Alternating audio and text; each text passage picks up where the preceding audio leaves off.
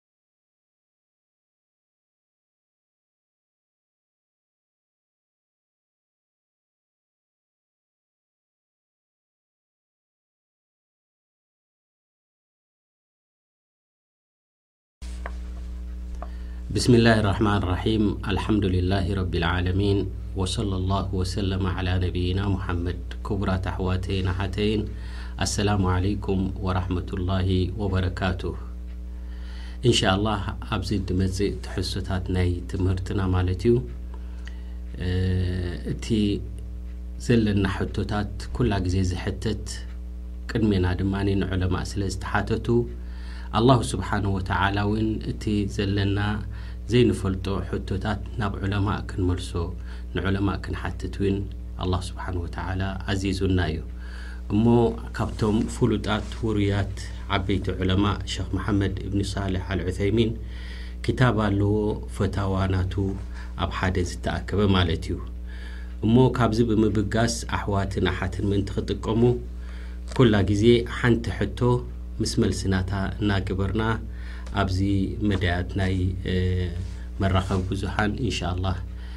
ክንዝርግሕ ክንፍትን ኢና ወነስኣሉላህ ዓዘወጀል ካብቶም ሰሚዖም ዝጥቀሙ ክገብረና እሞ እንሻላህ ብዓቂዳ ክንጅምር ኢና ኣብ ጉዳይ ናይ ዓቂዳ ገለ ልዕሊ ሚእቲ ዝኾኑ ሕቶታት መምስ መልሶም ከነቅርብ ኢና ከምኡ እንዳበልና ኣብቲ ናይ ፍቅህ ናይ ሙዓመላት ድማ ክንቅጽል ኢና ካብቲ ኣገዳሲ ዝኾነ ሕቶታት ሸኽ መሓመድ ኢብኑ ሳልሕ ኣልዑሰይሚን ዝተሓተትዎ ከምዚ ዝብል ሕቶ ቀሪብዎም ማ ሽርክ ኣልሙሽርኪን ኣለዚነ ቡዒሰ ፊህም ነቢይ ሰለ ላሁ ዓለይሂ ወሰለም እቶም ሙሽርኪን ተባሂሎም ዝተሰመዩ እሞ ኣነቢ ዓለይሂ ሰላቱ ወሰላም ዝተላእኽዎም ህዝቢ እንታይ እዩ እቲ ሽርኪ ናቶም ዝነበረ ዝብል ሕቶ ቀሪቡ ኣልጀዋብ ይብል መልሲ ናይዚ بالنسبة لشرك المشركين الذين بعث فيهم النبي صلى الله عليه وسلم فإنه ليس شركا في الربوبية لأن القرآن الكريم يدل على أنهم إنما كانوا يشركون في العبادة فقط እتم نبينا محمድ عليه الصلاة والسلام زتلاخوم هزب እت ناتم شرك ኣብ ጕዳይ ናይ ተውሒድ ኣረቡብያ ኣይነበረን ማለት ኣላህ ስብሓን ወተዓላ ኻልቕ ምዃኑ፣ ኣላህ ስብሓን ወተዓላ ወናኒ ናይ ሰማይን መሬትን ምዃኑ፣ እዚ ኣብኡ ኣይኮነን እቲ ሽርኪ ናቶም ዝነበረ። ከምቲ ረቡና ዓዘ ወጀል ኣብ ቁርኣን ዝገለጸልና ኣብ ዒባዳ ክገብሩ እንከለዉ ንኣላህ ስብሓን ወተዓላ ደኣ ንብሕቱ ዘይግዝእዎ ዝነበሩ እምበር ኣብ ጉዳይ ኣላህ ስብሓን ወተዓላ ፈጣሪ ሰማያትን መሬትን ምዃኑ ኣብዚ ኣይኮነን እቲ ናቶም ጸገም ዝነበረ ይብል።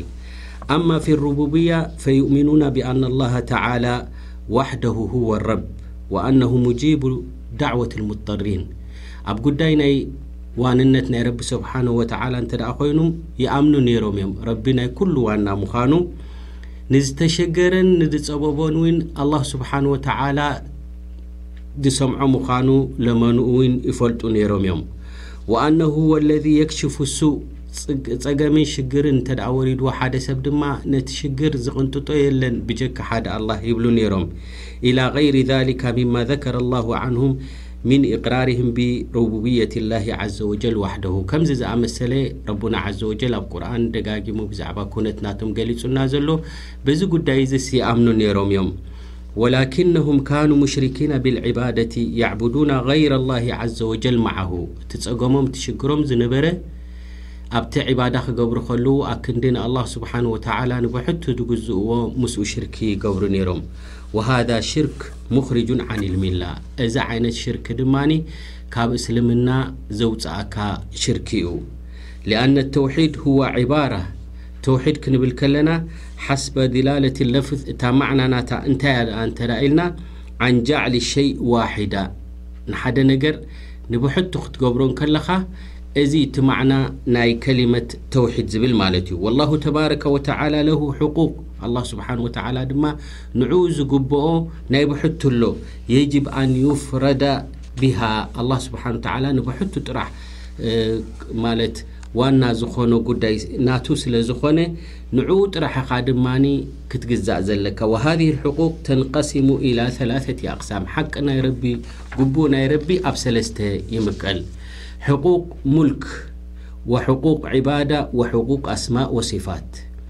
ኣብ ዋንነት ሓቂ ናይ ረቢ ስብሓን ወተዓላ ኣለዎ ማለት ግቡኡ እዩ ንሕና ክንፈልጥ ኣለና ኩሉ ወናኒ ረቢ ስብሓን ወተዓላ ምዃኑ ከምኡ ድማ ሕቁቅ ዒባዳ ሓቂ ናይ ረቢ ስብሓን ወተዓላ ኣብ ልዕሌና ዘሎ ድማ ዒባዳ ክትፍፅም ከለኻ ንበይኑ ንብሕቱ ጌርካ ክትግዝኦ ኣለካ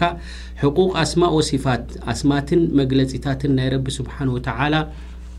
ምስ ደቂ ሰባት ዘይማሳሰል ፍሉይ ከምዝኾነ ድማ ኣዚ ውን ሓቂ ናይ ረቢ ስብሓን ወተዓላ ክትኣምኖ ዘለካ እዩ። ወሊሃዛ ቀሰመ ልዑለማእ ኣተውሒድ ኢላ ሰላሰቲ ኣቅሳም ነዚ ዮም ድማ ዑለማእ ነቲ ተውሒድ ኣብ ሰለስተ ዝኸፈልዎ ተውሒድ ኣሩቡብያ ወተውሒድ ኣልኣስማኢ ወሲፋት ወተውሒድ ኣልዒባዳ ኢሎም ማለት እዩ።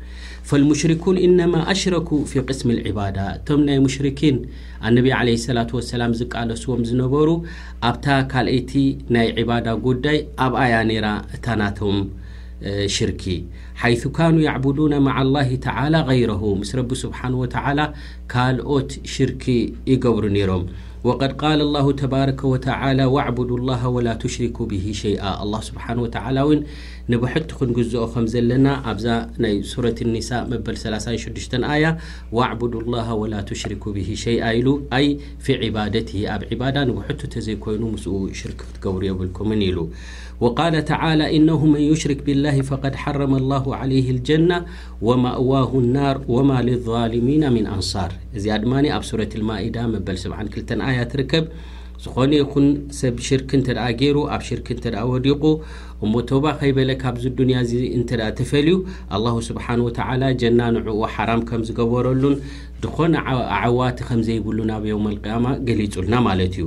ወቃለ ተዓላ ኢነ ኣላሃ ላ የግፊሩ ኣን ዩሽረከ ብሂ ወየግፊሩ ማ ዱነ ዛሊካ ሊመን የሻእ እዚኣ ኣያ እዚኣ ኣብ ሱረት ኒሳ ተደጋጊማ ቀሪባ ማለት ረቢ ስብሓን ወተዓላ ዝጠቐሳ ኣያ ማለት እዩ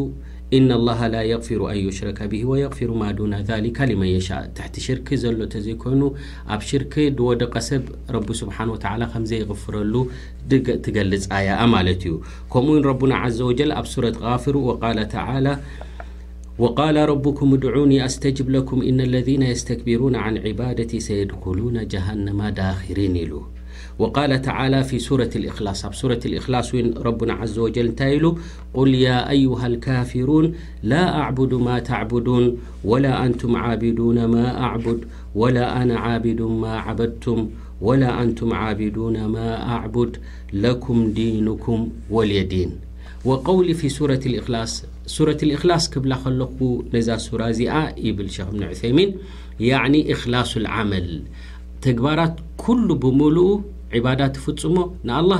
ስብሓነሁ ወተዓላ ጥራሕ ክኸውን ከም ዘለዎ ስለ ትሕብረና እየ ሱረት ልእኽላስ ኢለያ ዘለኹ ይብል። ፈህያ ሱረቱ ኢኽላስ ልዓመል ኩሉ ስራሕ ኣንጺህካ ንኣላህ ስብሓነሁ ወተዓላ ጥራሕ እዩ ክኸውን ዘለዎ ወኢን ካነት ቱሰማ ሱረት ልእኽላስ እወ ወኢን ካነት ቱሰማ ሱረት ልካፊሩን እወ ሱረት ልካፊሩን እኮ ትበሃል እንተኾነት ላኪናሃ ፊ ልሓቂቃ ሱረቱ ኢኽላስ ዓመልይን፣ ኩሉ ተግባራት ንኣላህ ሱብሓነሁ ወተዓላ ጥራሕ ኢልካ ክትሰርሕ ከም ዘለካ ሰናይ ግብርታት ትእዝዝ ስለ ዝኾነት ማለት እዩ። ከማ ኣና ሱረት ቁል ሁወላሁ ኣሓድ ከምቲ እታ ቁል ሁወላሁ ኣሓድ ሱረት ኢኽላስ ትበሃል ንምንታይ እንተደኣ ተባሂሉ ኢኽላሲ ዕልምይን ወዓቂዳ ፍልጠትን እምነትን ንኣላህ ሱብሓነሁ ወተዓላ ኢኽላስ ክትገብር ከም ዘለካ ስለ ትሕብር ማለት እዩ።